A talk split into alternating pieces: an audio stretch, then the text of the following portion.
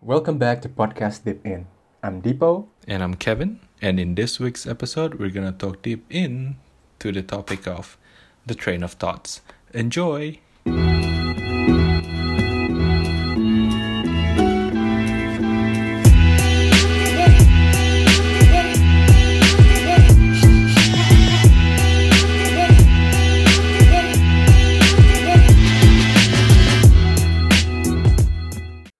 Welcome back, everyone. Um, thank you for coming back to our news episode. Uh, we've been off for quite a bit, but now we're back with a new episode. It's called The Train of Thoughts. And we have a couple of new things that we want to tell you guys. Right, right. So we're trying to accomplish something here, right, Kevin? Because um, it's been quite a while too since we started this Deep In podcast. It's been a year. Like last week, it was our anniversary, right? And we talk a lot. We talk a lot about our vision and what we're trying to do um, in the future. So this might be the last episode of our podcast. Don't worry, guys. It's only the last episode of first season. Yes, right, Kevin? Exactly. Exactly. Um, we're preparing for season 2. Exciting things are coming. Kita bakal ngebawa ide baru, visi baru. We're we're gonna rebrand, refresh, rebuild. Um, yeah, if you guys have any ideas atau kalian punya masukan on how we can do better on season 2, please let us know. Right. Dan kita juga udah belajar banyak banget dari satu tahun terakhir. Gimana untuk menjadi podcaster yang lebih baik. Dan gimana untuk menjadi platform yang lebih baik di mana orang bisa mendapatkan ilmu dan informasi yang terbaru. Yes. So now, Yes. back to our topic, right? The train of thoughts.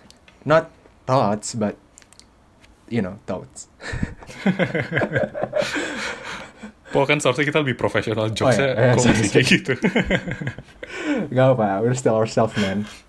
Jadi, Oke, oke. the train of thoughts. Basically, it's about um, me and Kevin's philosophy of life, about what we're thinking about our life, and you know, kayak minggu kemarin itu kita udah ngebahas tentang tema ini, gimana kita ingin ngebawainnya. Karena dalam sehari-hari pun kalian pernah gak sih kayak kepikiran, eh gue tuh sebenarnya hidup buat apa sih gitu loh? Ya gak sih, Vin? Kayak lu pernah gak sih kepikiran kayak gitu? Hmm, pernah sih maksudnya kayaknya kalau pertanyaan-pertanyaan kayak gitu tuh nggak yang bisa kayak kita duduk diskusi terus mikirin gitu. Kadang tuh itu yang tiba-tiba kita lagi cuma lagi tiduran lagi jalan yang terus tiba-tiba kepikiran aja anjir what is life? What is our purpose? Why are we here? Ya kan? Right. Karena ya biasa ya nih Vina, ketika gua lari atau gua jogging, itu gua ngelihat orang-orang yang papasan sama gua itu biasanya kayak wow, they have families. I mean, I'm not on my own, man. Kayak mereka punya cerita mereka sendiri. Ketika kita ketemu teman, kayak kalau kalian pikirin mereka punya cerita cerita mereka sendiri gitu loh. Kayak yang bahkan kita nggak tahu seberapa dalam cerita mereka. Tapi kadang kita seringnya mikir kayak I'm the biggest um I'm I'm the object of this world, you know. You know, I'm I'm the protagonist of this world, right? hmm But are we actually? That's tr- true. I think it's a question yang kayak selalu ditanya sama orang. Apalagi lu tahu kan gimana kalau misalnya orang itu pada dasarnya sangat self-centered. Kita tuh gak cuma manusia tuh ngerasa mereka tuh is the center of the universe. Right, Bahwa right, segala tuh berputar mengelilingi manusia. Dan lu sebagai orang juga, sebagai seorang pribadi nih, lu ngerasa kayak semua tuh harus berputar di sekeliling lu gitu loh. Benar, Dan benar. Bener yang kayak dibilang Dipo tadi, semua orang pasti ngerasa mereka tuh si protagonis di cerita mereka sendiri. Which is fair enough, ya kan? This is your life, this is your book. Kalau lu mau nulis segimana lu mau, chapternya tuh itu terserah lu. Karena karena lu karakternya, ya di cerita lu sendiri ini. Gitu. Iya. Pertanyaannya adalah, apakah kita sebagai protagonis di kehidupan kita bisa ngebuat sesuatu yang remarkable for this world, man? Karena ya, gue sih kepikiran sih kayak 100 tahun ke depan, 200 tahun ke depan, 500 ke tahun ke depan, apa yang kita lakuin sekarang tuh berarti nggak sih? Maksudnya kayak, anggap aja lah sekarang kayak kakek buyut kita gitu. Kita tahu nggak apa yang dilakuin? Enggak gitu. Padahal mungkin mereka juga sekolah susah kayak kita. Mereka juga mungkin you know they work their, their ass off you know. And just to continuing life just to survive you know. And we do the same apakah kita bakal end up seperti mereka? Maksudnya mereka ketika kita mati orang bakal uh, ingat kita gitu. Dan teman-teman kita bakal ingat kita. Dan mungkin anak anak-anak mereka ketika mereka meninggal anak-anak mereka bakal mengingat mereka. Dan setelah itu anak mereka punya anak bakal ingat anaknya lagi. Tapi apakah mereka bakal ingat kita gitu Actually, that was the example of nihilism, you know. True, it is. Itu itu itu perfect example of what nihilism is. It's only Uh, an example, you know. I'm not that nihilistic actually. Sumpah tadi dark abis itu langsung. ya. Kayak Sorry Kevin, Pot, Uh, bisa dijelasin nih. ya gue yang kayak anjir Dipo, Dipo apakah kamu tidak apa-apa? Tapi kadang kita ya, eh harusnya gue juga kalau misal mikirin gue nggak nggak bukan orang yang nihilistik sih. Cuman kadang ada waktunya untuk kepikiran seperti itu kayak hidup gue buat apa gitu. Hmm. Dan menurut gue sih kayak nihilisme nih wajar bisa muncul di hidup manusia karena emang kita tahu kita tuh tahu in the end tuh kita semua bakal meninggal gitu loh. Jadi maksudnya masuk akal dong kita mikirin yang kayak anjir gue hidup selama ini dan what? Yeah, right. Then what? That's the question, man. Then what? Right. Like we finish our study, then what? We marry a woman or someone, then then what? You know? Exactly. It's always kita like kerja capek-capek dan what? We grow old, we have kids. Yeah. Then kayak itu. what? It's always the, the question of of philosophy. I mean, why and then what? Kayak lu kerja buat apa gitu lah. Terus kenapa? Buat nyari uang. Terus uang buat apa? Lu selama ini juga eh, nggak kerja tetap bisa hidup gitu kan? Like Exactly. that. I mean, I mean, it's it's Hmm. really rhetorical, but I don't know. It's a good question to ask yourself kayaknya tiap hari ya nggak boh.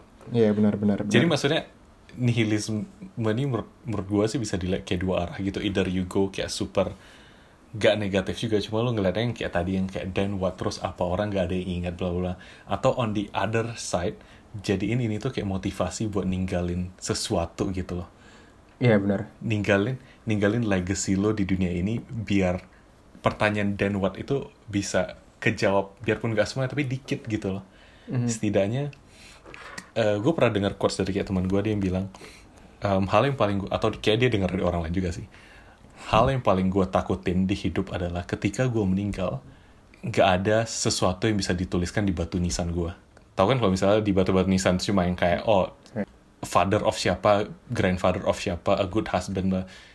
kayak ya udah gitu loh tapi kalau misalnya kau bisa punya batu nisan yang tulisannya yang kayak misalnya siapa lah gitu Yeah. creates this The provides inventor of- this buat komunitas Yeah. exactly Dan gimana ya Pin ya? Kayak kau tau gak sih cerita uh, boomer, doomer, and bloomer?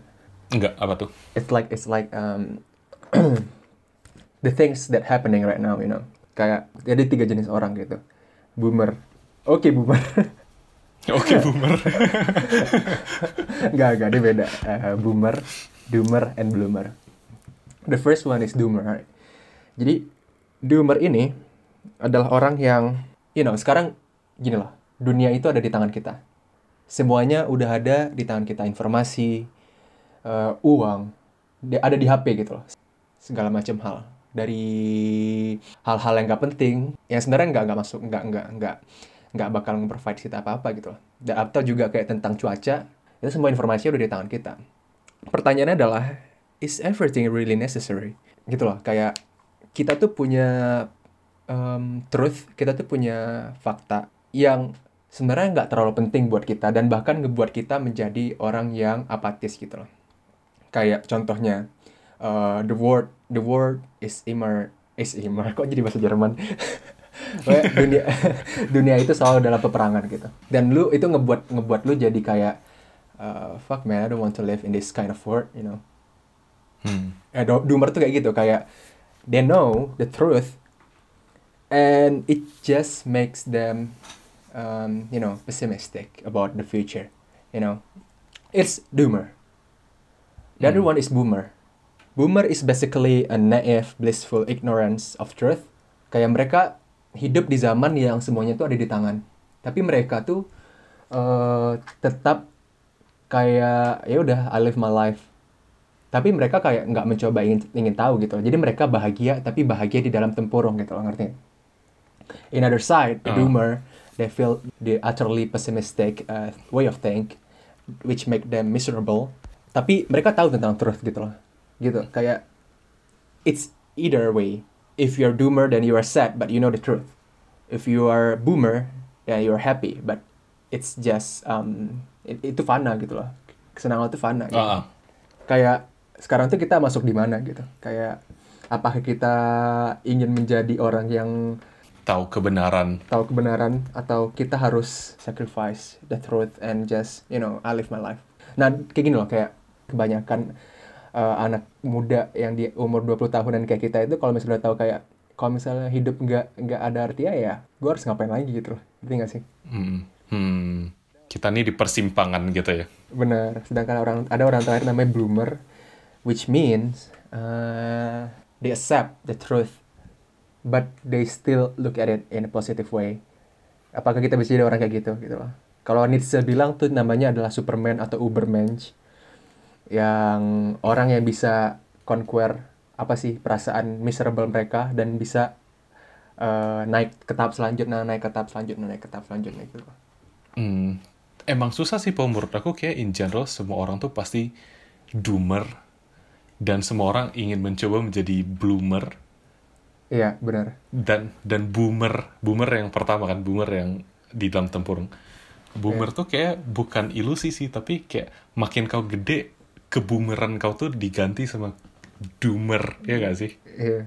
Ya kayak gini lah contohnya. Kayak kau ngerasa gak sih dari kau kecil itu em, untuk ngebuat kau senang itu gampang gitu loh. Kayak kau tinggal main sepeda keluar, main kejar-kejaran sama tetangga, itu udah ngebuat kau happy gitu.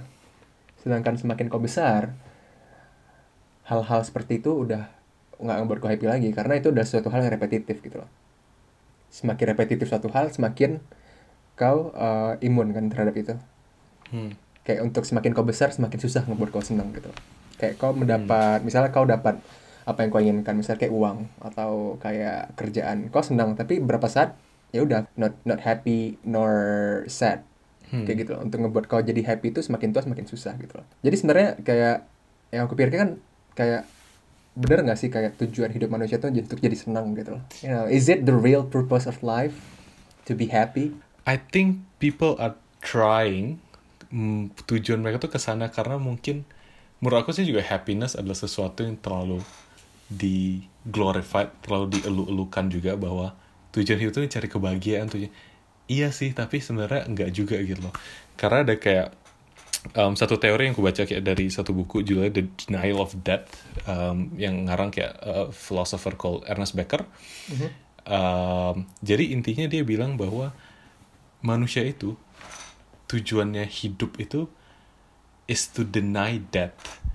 The whole purpose of humankind, humanity, civilization, semua yang kita punya saat ini tuh cuma buat ngebatalin, nyoba ngebatalin kematian, deny death. Bukan ngebatalin siapa ya? Menolak kematian. Karena dari dulu tuh kita tahu satu hal yang absolut, yang pasti ada di manusia, yang pasti selalu ngehantuin kemanusiaan people in general tuh ya kematian. Jadi for thousands and thousands of year human literally evolves to deny death. Kita dari dulu dari zaman kita masih manusia purba, kita cuma punya dua respons, it's either fight or flight. Either kau lawan atau kau lari. Ya kan? Tujuannya manusia purba yang misal dulu nomaden, terus tiba-tiba pindah uh, menetap di gua. Kenapa? Is to deny death. Karena mereka nggak mau kalau di luar kena hujan, sakit, badai, dikejar binatang, pergilah ke gua, ya kan? Terus mereka ke gua, terus mereka yang kayak tadi um, aku sempat di post sempat uh, ngebahas soal kayak foraging sama kayak bercocok tanam. Itu kenapa? To deny that karena udah tidak sustainable untuk mereka cuma kayak keluar berburu.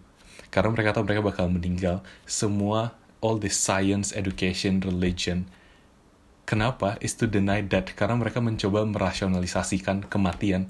benar. Mau itu mereka mulai ngelihat kayak misalnya mereka mulai mengasosiasikan sesuatu dengan kematian. Misalnya ada um, member of kalau mereka satu grup di gua apa sih namanya? Gang A band. misalnya iya. Misalnya ada anggota di bandnya mening- meninggal gitu di gua. Terus pas dia meninggal karena ada turun petir. Terus mereka yang kayak oh mungkin petir itu adalah penghasil kematian. Terus mereka bikinlah suatu filosofi atau ya. ajaran yang kayak ya mengasosiasikan oh kalau petir datang berarti nanti ada nih teman band kita yang meninggal.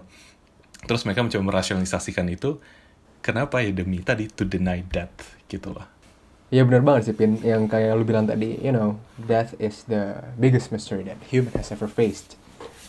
Tapi juga eh, yang gue bilang tadi, salah satu yang ngebuat manusia itu nggak pernah merasa secure ya, the question of then what, you know.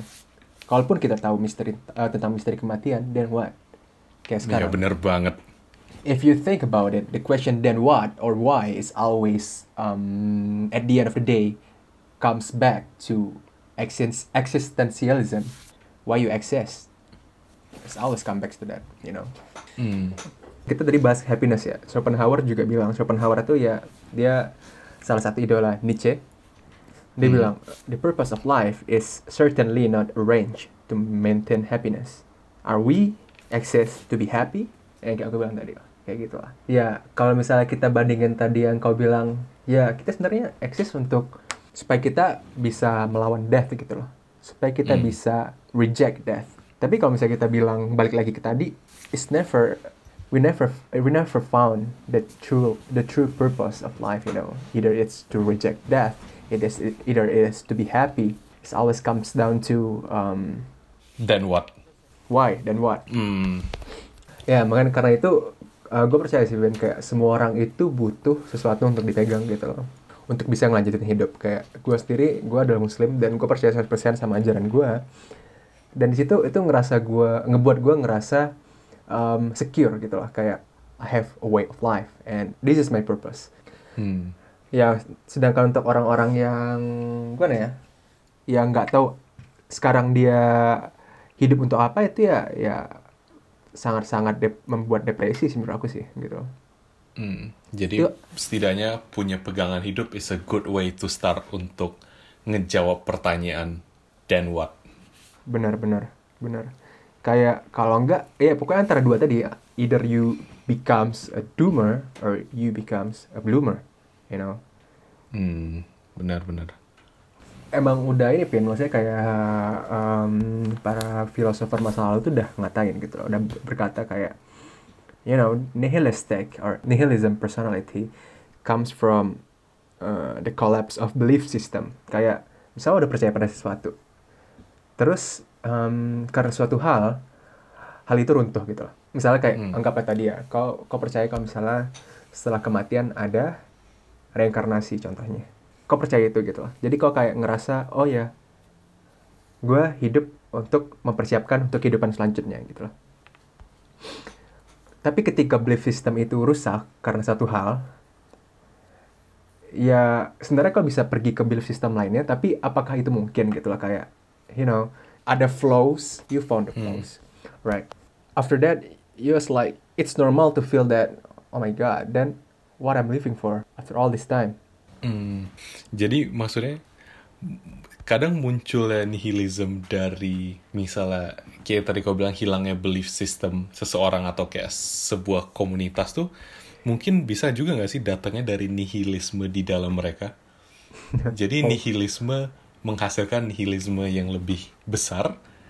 Mereka yang kayak percaya that there's nothing, gak ada gunanya, it's all pointless, it's there's nothing. Jadi belief system ini runtuh. Itu menciptakan nihilisme yang lebih gede, if that makes sense. sebenarnya bisa juga sih kayak Hmm. yang gue bilang tadi semua orang pasti pernah mempertanyakan kayak gitu kan pertanyaannya adalah apakah mereka menemukan flows in their belief system or not it's only that Hmm. you know gitu aja sebenarnya tapi ya untuk eh, tapi then again kita cuma manusia gitu loh. Bahkan untuk saat ini aku untuk bilang ambil baiknya buang buruknya aku udah nggak bisa gitu loh. Karena do you know what's good? Do you know what's bad?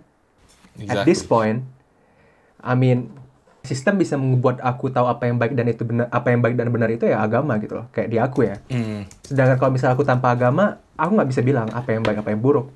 Karena ya mungkin pas kita kecil kita kayak bisa bilang kayak oh jangan kayak gitu doang itu buruk gitu loh tapi ketika kita besar waktu kita udah besar kita kayak found out not everything's that bad is 100% bad you know Exactly. Ya, Bo, jadi ada juga ini namanya, em, aku dulu pernah ingat namanya Utifro Dilemma. Jadi ini kalau mau disambungin sama kayak tadi kau bilang soal, you know, kita mulai gede, kita mulai, kita disuruh selalu berbuat baik, tapi pas kita besar kita yang kayak, oh, apakah sesuatu yang baik benar? Is, is, is it good? Ataukah sesuatu yang jahat mungkin gak necessarily benar-benar a bad thing to do. Jadi zaman dulu em, si Socrates nanya sama this another philosopher namanya Utifro. Um, jadi dia nanya gitu, apakah sesuatu an action or a deed itu diconsider sesuatu yang baik, is a good thing to do karena itu disukai oleh dewa dewi?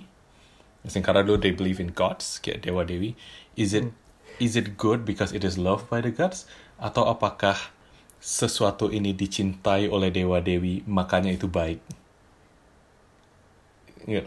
Yeah, agak bisa kan? Yeah. Ya kan? ya Yang yeah, kayak- yang kayak misalnya um, membantu nenek-nenek menyeberang di jalan, Hmm. ya kan?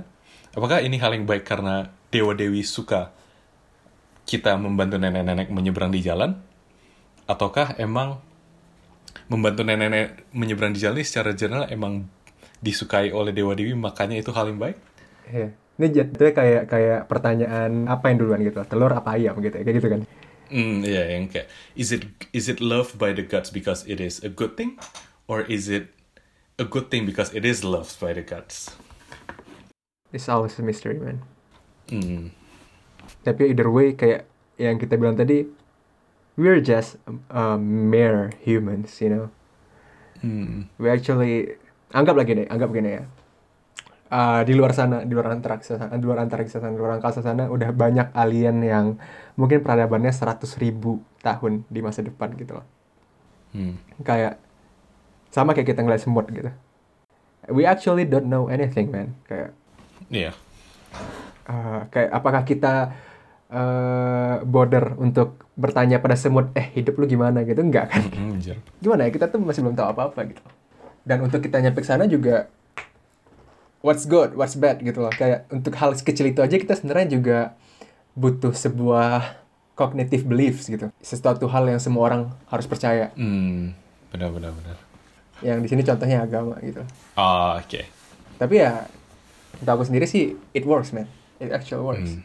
For me. Iya, benar sih. Menurut aku punya pegangan hidup, punya sesuatu yang bisa kau ya pegang. itu bisa benar-benar kayak nge apa ya? Navigates you di di jalanan berkabut dan penuh ketidakpastian ini ya kan. Ya karena maksudnya kayak nggak pasti gitu loh yang yang apa pun yang ada di dunia ini bahkan nggak cuma kita sebagai kayak manusia yang punya pertanyaan tentang diri kita sih kita juga punya kayak pasti punya pertanyaan yang gede yang kayak paling kau bilang tadi yang kayak di luar sana pasti udah ada kayak kebudayaan yang kayak seratus ribu tahun cahaya lebih advance daripada kita gitu kan ya mungkin apakah menurut kau mereka udah punya jawaban ke pertanyaan-pertanyaan kita yang kayak what gini apa I don't know. Ya kan? Baik lagi tadi, Vin. We're just mere human. Kayak 10.000 tahun BC itu kita kan masih yang kayak aku bahas tadi ya. Kita tuh masih orang-orang yang uh, tergantung pada alam gitu lah. Kayak kita metik tumbuhan. Kita hunters. Kita kayak gathering gathering berries or something like that, right? Dan populasi manusia juga pada saat itu kan nggak banyak gitu lah. Dan pada saat itu kita berpikir bahwa hey, kalau kita punya makanan yang atau kita punya cadangan makanan yang melimpah dan stabil, mungkin kita akan lebih bahagia gitu. Mungkin kita akan menjadi spesies yang lebih baik. That's why hmm mereka bercocok tanam. Tapi apakah bercocok tanam baik gitu loh? Setelah kita lakukan. Itu ngebuat orang tinggal di satu tempat. Itu ngebuat orang bounce to something. Itu ngebuat orang merasa hidup mereka tuh itu gitu loh. Padahal sebenarnya manusia itu bebas gitu loh. Kayak pada sebelumnya, Mhm. kayak aku bilang tadi ya, sebelumnya manusia punya diet yang berlimpah yang berbeda-beda mereka makan daging ini besoknya kalau misalnya mereka hunter yang lain eh, misalnya mereka kalau misalnya berburu yang lain belum tentu dapat itu lagi gitu loh dan kalau misalnya tumbuhan misalnya uh, mereka belum tentu setiap saat makan tumbuhan yang sama it's a balanced diet you know tapi setelah uh, adanya pertanian atau perkebunan segala macam ya mereka makan gandum doang gitu makan gandum doang. Dan mereka merasa kalau hidup mereka itu di gandum doang. Ketika gandum itu rusak uh, you know they cannot go back. We don't actually know what's good what's bad. Apalagi tahu apa pikiran. You know aliens out there cool aliens out there that has technology that way advanced than ours hmm. right? Kayak balik lagi kayak gini loh kita merasa bahwa uh, kita domesticate gandum itu baik gitu kayak sebenarnya kita domesticate gandum atau gandum domesticate kita sih gitu kayak gitu gitu uh, kayak sebelum kita bercocok tanam gandum dulu kayak gandum tuh cuman insignificant plants yang you know it's insignificant. It's like kayak itu tuh kayak rumput tapi setelah kita domesticate serius cuy dulu kayak gitu cuy. Terus kayak setelah kita domesticate gandum jadi tumbuhan nomor satu di dunia gitu loh. Tumbuhan yang paling banyak ditanam. Benar. Paling sebenarnya juga itu nggak baik buat kita gandum. Itu ngebuat gigi kita rusak itu juga nggak terlalu sehat gandum. Hmm. buat apa kita susah tanam gandum gitu loh? Kayak sebenarnya siapa sekarang yang uh, terdomesticate gitu? Siapa yang teruntungkan gandum apa kita gitu loh Anjir. Kayak domesticated kan datang dari bahasa Yunani ya, domus gitu. Artinya rumah. Sekarang yang uh, perlu stay di suatu tempat untuk agar kita bisa menjaga sesuatu itu siapa? Manusia gitu. Hmm. Untuk menjaga suatu perkebunan gandum kita kita yang stay di suatu tempat, kita yang stay di dekat perkebunan gandum gitu gitu lah. Siapa sekarang sekarang yang terdomestiket kita atau gandum? Malah kesannya kita yang jadi peliharaannya gandum ya kan, karena kita harus kayak ngerawat mereka. Uh, iya benar. Harus Anjir bener sih. Kayak kita nggak tahu gitu apa yang apa yang benar apa yang salah, Vin. Iya, iya karena itulah kita mencoba menjawab pertanyaan yang tadi balik lagi nih kayak why then what then what kita mencoba mencoba tapi sebenarnya mungkin nggak benar juga apa yang kita pikir benar ya kan benar-benar tapi kalau misalnya aku boleh nyentuh lagi po ngerti ya sih kita telah mencoba semua ini gitu kita mencoba um, agriculture dari no dari forager hunter terus kita agricultural um, terus kita mulai we invent stuff. Kita ke revolusi industri kita mulai berhenti makai um, apa namanya kayak tenaga manusia. Kita mulai pindah ke mesin kita ciptain mesin buat ngebantu hidup kita. Kita udah mencoba selama ini tapi kayak kita we couldn't find the answers to it. Maksudnya pertanyaanku sih mungkin balik lagi yang tadi aku tanya sih menurut kau apakah alien-alien, kalau misalnya kalian percaya alien atau enggak di luar sana telah menemukan jawabannya, apakah dengan peradaban mereka yang super canggih itu, um, mereka masih terdomesticated juga dengan teknologi mereka? Karena teknologi mereka ini kan sebenarnya ya sama kayak analogi gandum tadi kan, kita mencoba teknologi tapi ujungnya hmm. teknologi hmm. yang ngebound kita, sama kayak misalnya kau nyoba um, hal paling simple deh yang kayak sekarang orang addicted to technology kalau bisa aku sambungin ke sana gitu kan. Kita nyiptain HP buat ngebantu kita tapi ujungnya kita terconstrain oleh HP itu. We are domesticated by it if that makes sense. Uh, terus ada juga satu quote yang dibilang sama Ernest Becker yang tadi the pengarang buku Denial of That that we humans are gods and worms at the same time kita Tuhan dan kita juga cacing eh, atau dewa. Kita dewa dan kita juga cacing di saat bersamaan. Karena kita kita punya this conscience kita punya kita bisa nyiptain apa aja. Kita punya kesadaran kita bisa bikin anything that we want.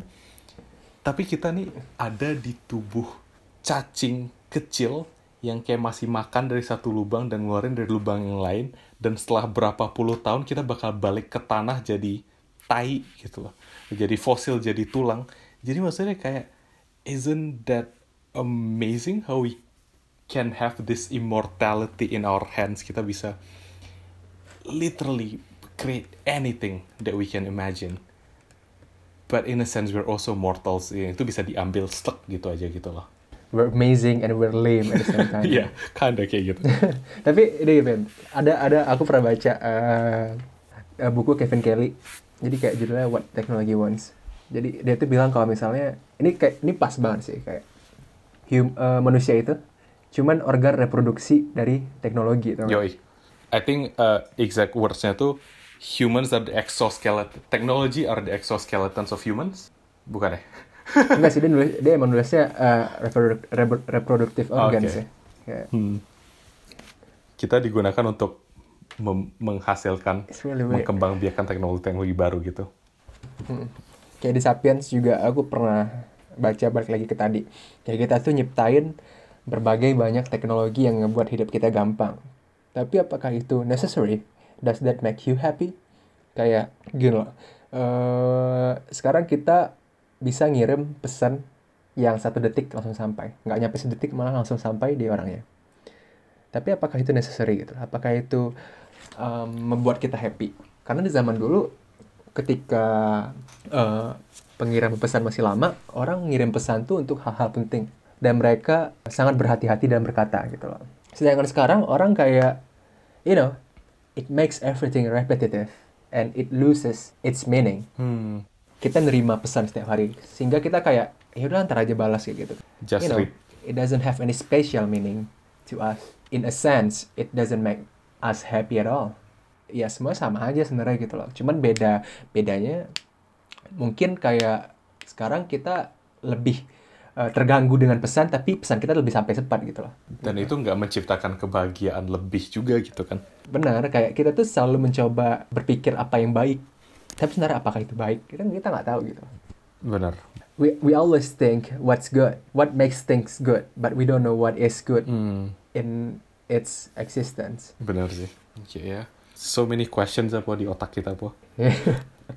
Kayak kemarin kita sempat nonton ini kan, nonton yang aku share itu kan, Ah, yang kurs gesak apa sih di egg ya? Kau nonton belum sih? The Egg. Um, judulnya apa po? Biar pendengar kita bisa nge YouTube juga. Eh, nama channelnya Kurz Gesak K U R Z G E S A G T judul film judul filmnya judul videonya The Egg Hmm. Kalau di summarize isinya apa? kau lah kau udah nonton belum Um, udah sih waktu itu. Uh, basically apa ya?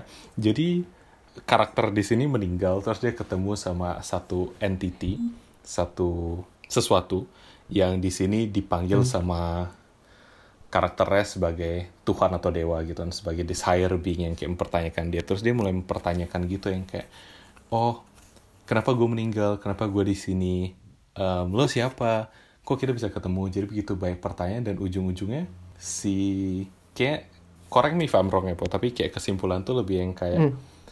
dia bilang bahwa si Tuhan di sini si higher being di sini bilang ke si karakter main si protagonis bahwa lo adalah gue dan gue adalah lo lo adalah bagian dari gue dan lo adalah bagian dari orang lain dan bahwa hidup ini itu semuanya tentang lo gitu loh jadi lo secara tidak langsung lo tuh kayak bagian dari partikel-partikel kecil yang tersebar di seluruh dunia. Jadi tiap kali lo ketemu orang lain, lo sebenarnya ketemu diri lo cuma dalam kesadaran yang lain, dalam dimensi yang lain. Iya, kayak kalau misalnya hal ini tuh bisa di diinterpretasikan beda-beda sih tiap Hmm. orang cuman aku interpretasinya beda sih dari kau apa tuh? Nah, tapi kau kau yang kau dapat takeaway apa coba Mind blowing aja sih, maksudnya teori-teori dia menurut, menurut aku mind blowing sih bahwa bener sih siapa yang tahu gitu kan. Jadi menurut dia nih sekarang pas gua nge-podcast sama Dipo, Dipo ini sebenarnya gua tapi dalam tubuh yang lain, dalam existence yang lain, tapi kita berinteraksi dalam waktu bersamaan. Jadi dia tuh bilang kayak kalau misalnya kau ngebantu orang lain, kau sebenarnya ngebantu diri kau sendiri di masa depan. Kalau kau menyakiti orang lain, sebenarnya kau menyakiti diri kau sendiri karena kita tuh sebenarnya satu. Kita tuh datang dari partikel-partikel yang sama gitu loh. Ya gak sih? kalau menurut gua sih Pin kayak yang diceritain di video itu sih bukan partikel sih maksudnya itu lebih menceritakan tentang eh, reinkarnasi gitu loh di situ diceritain kalau misalnya orang yang mati ini bakal direinkarnasi jadi cewek di Cina 500 tahun lalu gitu terus dia shock dong lah kok gue balik ke masa lalu gitu. Ya si deity ini deity in other word God in that video said kayak ya di realm ini tuh nggak ada waktu gitu loh. Lo tuh bisa direinkarnasi jadi apa aja selama itu ada dunia ini. Dan lu mungkin nggak ingat lu tuh udah hidup uh, di banyak kehidupan gitu. Terus uh, si orang mati ini bilang for what dan dia itu ini bilang ya itu untuk ngebuat lu makin dewasa. Karena lu adalah uh, di masa depan lu akan menjadi gua gitu. Tapi sekarang itu lu belum mature. Makanya lu harus hidup di berbagai banyak kehidupan. Terus dia bilang si orang mati ini apakah di dunia ini banyak seperti gua? Enggak dunia ini cuma buat lu gitu loh. Jadi semua orang yang direinkarnasi dan semua orang yang ada di dunia itu adalah dia di kehidupan yang lain. Jadi takeaway yang aku ambil sih ya takeaway yang gua ambil sih adalah what comes around goes around gitu. Ini sorry ya kalau misalnya dari tadi gue pakai aku kau atau gue lu karena kita sebenarnya agak bingung iya, ya kan jadi kita mencoba lebih profesional terus kita merasa gua lu ah, menjadi bahasa yang lebih universal jadi kita bisa reach out ke pasar yang lebih besar ya nggak boh ya tapi kita udah biasa gitu pakai aku kau. Oh anggo. Pas ya gitu saya kayak gimana ya balik lagi tadi takeaway-nya adalah karena semua orang di dunia ini basically adalah lu kalau misal lu nyakiti orang itu lu nyakiti diri sendiri gitu kalau misal lu ngebuat orang lain senang itu lu juga ngebuat diri lu sendiri senang gitu loh. Dan kenapa judulnya The Egg karena orang meninggal tadi itu basically adalah deity selanjutnya. Dan ini adalah tempat wadah untuk dia menjadi mature which is the egg you know. Hmm. some things that belum dewasa tapi akan menjadi chicken pada waktunya gitu. Yoi. After chicken comes hen gitu. Yoi. Tapi yang mana datang duluan po ayam apa telur? Pertanyaannya Pin, hmm. kalau kau tahu then what? Then what exactly? Anjir. Gokil full circle. Uh, Iya, karena ada juga sih uh, um, di ajaran Buddhisme juga kurang lebih kayak gitu sih. Ada ada yang namanya karma baik sama karma jahat kan. Jadi karma baik itu menentukan lo jadi apa ke depannya. Karma buruk juga menentukan. Jadi karma basically apa yang lo lakuin di kehidupan sekarang menentukan apa yang lo lakuin di kehidupan depannya. Karena juga kayak di sana ada kepercayaan bahwa iya benar kata lo, what comes around. Sorry, what what's around comes around What goes around comes what around. Comes around. exactly. Ah, what comes around goes around atau what goes around comes around? Whatever. What around around lah ya pokoknya. yeah. hmm. Kalau ada kemarin karena selama ini gue kayak gue ngerti reinkarnasi lebih kayak di ajaran Buddhisme kan jadi sebenarnya nonton video The ini ngasih gue kayak persepsi lain soal reinkarnasi tapi ada juga satu um, teori menarik lain ya yang gue nggak pernah tahu bisa di hubungkan ke reinkarnasi yaitu it's called the simulation theory. Um, hmm, itu teori bahwa yeah. kehidupan kita sekarang uh, sebagai manusia kita di alam ini itu sebenarnya cuma simulasi. We're kita kayak Sims, we're just a game that is being played by uh, higher beings atau yang kayak some extraterrestrial life kayak alien-alien yang udah lebih so much more advanced um, daripada kita. Uh, jadi teori reinkarnasi masuk lebih ke yang karena kalau misalnya kita ini game, kita ini simulasi, ya kan? Misalnya mereka bosan sama hmm. kita, ya udah matiin aja, ya yeah. matiin, yeah. ulang lagi, bikin karakter baru. Jadi kalau misalnya lo percaya sama reinkarnasi terus mau dilihat dari sisi sananya juga bisa gitu loh yang kayak oh ya udah lo di sini diberhentiin permainannya karena hidup lo ngebosenin atau dia udah nggak mau main lagi sama lo terus dihidupin jadi karakter baru di negeri mana kayak misalnya kayak tadi di Cina 500 terus jadi Mulan gitu atau apa gitu kan. Iya jadi simulation teori ini juga sebenarnya udah di banyak diomongin sih dari dulu. Um, kalau misalnya uh, tahu Elon Musk, Elon Musk waktu itu sempat bikin heboh karena dia dia percaya kayak 50% kemungkinan kita itu simulasi iya. Terus um, Neil deGrasse Tyson juga um, pernah bilang kalau iya gak mungkin kemungkinan itu terlalu kecil buat kita bukan simulasi kalau misalnya ada kemungkinan terlalu kecil untuk tidak ada makhluk di luar angkasa sana yang terlalu advance sampai nggak belum tentu kita bisa bikin simulasi gitu loh, if that makes sense. Mungkin wording aku yang agak beda cuma essentially gitu. Ada juga hmm. yang namanya Fermi Paradox.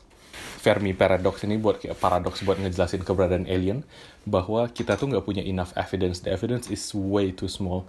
Um, sementara galaksi ini terlalu besar to say that yang nggak yang nggak hmm. ada makhluk di luar sana lebih besar which comes down ke paradoks simulasi tadi. Belum kita sekarang nggak bisa bilang kalau kita bukan simulasi bahwa di luar sana nggak ada alien-alien yang lagi mainin kita sekarang karena kemungkinan terkecil untuk hal itu tidak terjadi karena galaksi kita ini gede banget. Bukan galaksi dong kayak alam alam semesta I don't know what to say. Bahkan kayak aku nggak ada kata-kata kayak the cosmos is just so big.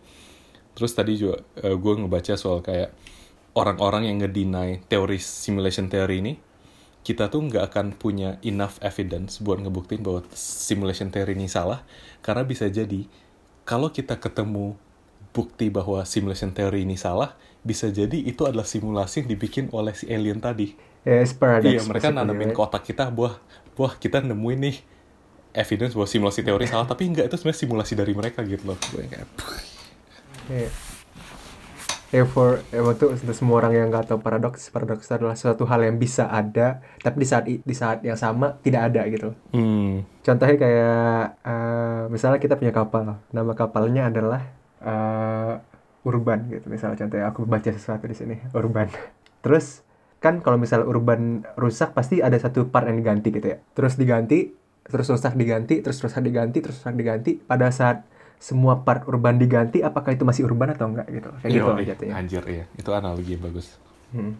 hmm Ya maksudnya kita juga nggak nggak pasti tahu sih, nggak bisa tahu sih. Pin. hmm Like I've said, we just a mere human being. iya anjir Um, which is so lame but amazing at the same time. Exactly. Ada satu quote juga yang pernah pernah gue dengar bahwa if humans are the only beings in the universe that has consciousness, kalau manusia adalah satu-satunya makhluk di dunia yang punya kesadaran, we are What is consciousness? Ah, enggak sih. Boom. Bu, what is consciousness? apa itu kesadaran Ben? Bisa tolong dijelaskan apa itu kesadaran? Apakah Anda sadar tentang kesadaran? What makes things conscious? Exactly. No, jadi uh, salah fokus. Yeah, if human beings were are the only creatures in the universe that has consciousness, kalau manusia adalah satu-satunya makhluk di dunia ini punya kesadaran, it means that we humans are the way of the universe of knowing itself. Manusia adalah cara alam semesta mempelajari dan mengetahui dirinya sendiri. Holy shit. man. Gokil. Or just basically maybe the universe just doesn't care. I mean, we could die or Anjir bener banget banget. I mean we have ut- utopia or something, but the universe just keep going, man. Anjir, nihilistik sekali ya, Pak. Sumpah gue speechless po sekarang, sumpah. Kayak jadi mempertanyakan begitu banyak pertanyaan dalam hidup. Kayak kita bilang ya, Ben, kayak eh, mahasiswa filosofi hidupnya stres juga ya. Mungkin tamu berikutnya harus mahasiswa filosofi gitu, Pak. ya sebab aku kayak seminggu terakhir aku eh, eh gua nge-research tentang ini gua kayak wow. What's the meaning of reflecting man? Iya. Eh, ya gitu sih. Cuman ya takeaway ya balik lagi ke tadi ke tadi sih. Either you become um, a doomer or you become a bloomer. Karena di saat sekarang untuk menjadi boomer itu kayak udah nggak mungkin sih. Hmm, I mean the world is in your hand man. iya. Ya, kalau benar sih dengan semua realita, dengan semua fakta yang telah lo punya di dunia ini, ah, it depends on you how you're gonna see the what and what you're gonna do with it. Yeah. It's only life and death and the jokes in between. Yo, eh, gokil. Enggak lah, kalau misalnya aku sih, kalau di dalam agama aku sih kayak, you know, we live, we live our life for a greater purpose, man. So actually, I don't feel that nihilistic at all. Ya. Karena kita nggak bahas agama ya sebenarnya. Ya udah sih, basically itu sih, kayak the thoughts, our thoughts actually on life. Ini gara-gara Dipo nge-share video The Egg sama apa satu lagi po judulnya? Sleep is only death being shy. Nah, itu itu juga video bagus cu. Eh, dicari aja kalau kalian ada waktu. Sleep is just death being shy. Ah, Iya. ya terus begitulah. Terus ini basically kita cuma eh, mengutarakan keresahan kita, apa yang kita punya dan ya kalau misalnya kita ada salah ngomong atau mungkin research kita kurang dalam, let us know, message us, jadi kita bisa memperbaiki diri lebih baik lagi, kita bisa meninggalkan legacy yang lebih banyak lagi ya kan? Basically ini cuman sebenarnya cuman kita ngobrol sih Iya. sebenarnya. Pin. uh. Ya udah Pin, jokes of the day, Aduh anjir. our life. live ya boy itu itu itu, itu, itu jokes on the day for life. Kalau kata Joker, life is a comedy, not a tragedy. Uh, Iya tuh, Joker juga termasuk salah satu karakter yang Nihilistik. kau udah nonton Joker yang baru? Lo udah nonton Joker yang baru belum bro? gua sih belum nonton Oh, kan. Oh nama gue bukan Pin, Gua. Vin. Oh iya, gua belum Weh, sih. nah gitu kan lebih pasarnya lebih besar pak. Siap. Eh, Terus fact, fun fact of the day. There's no fun fact of the day because life's not fun. Enggak. anjir bagus banget. Gue suka banget episode ini sumpah We're just, we're just being hamster, work our ass off every day and done. Enggak lah. Apa ya fun fact of the day? Um, eh, nggak ada sih, Vin. Aku nggak ada fun fact sih. Kau juga ada ada ini nggak? Ada joke? Enggak boh, enggak ada gunanya kita ngasih fun fact sama jokes kayak gini. Kita ngasih jokes dan fun fact, It wouldn't then even what? measure. Then what? It wouldn't even measure in 500 years. Exactly. Ya udah lah, kita nih nggak berusaha nggak. Kita harus banget, Pin. Kita bloomers. Yoi. There's always good good side of everything, Yeah. man. Uh, so thank you guys for hearing our last episode of our depressing last episode of season one, and hopefully we can, you guys would hear it again our next season, which is I think in two weeks. Uh, Right. Yeah. Hopefully in two weeks. Enggak lah, kita bakal kita bakal rilis season 2 um, dua minggu lagi. So stay tuned for whatever's Thanks. coming. um, yeah, thanks for listening to this episode. We're really sorry kalau misalnya this episode is a bit gloomy, but then again, it's just our train of thoughts. Uh, feel free to message us. Let It's us just know. train of thoughts. Yeah, let us know what your thoughts on our train of thoughts say. uh, but yeah, thanks for listening. We'll see you on season two. Bye. Bye.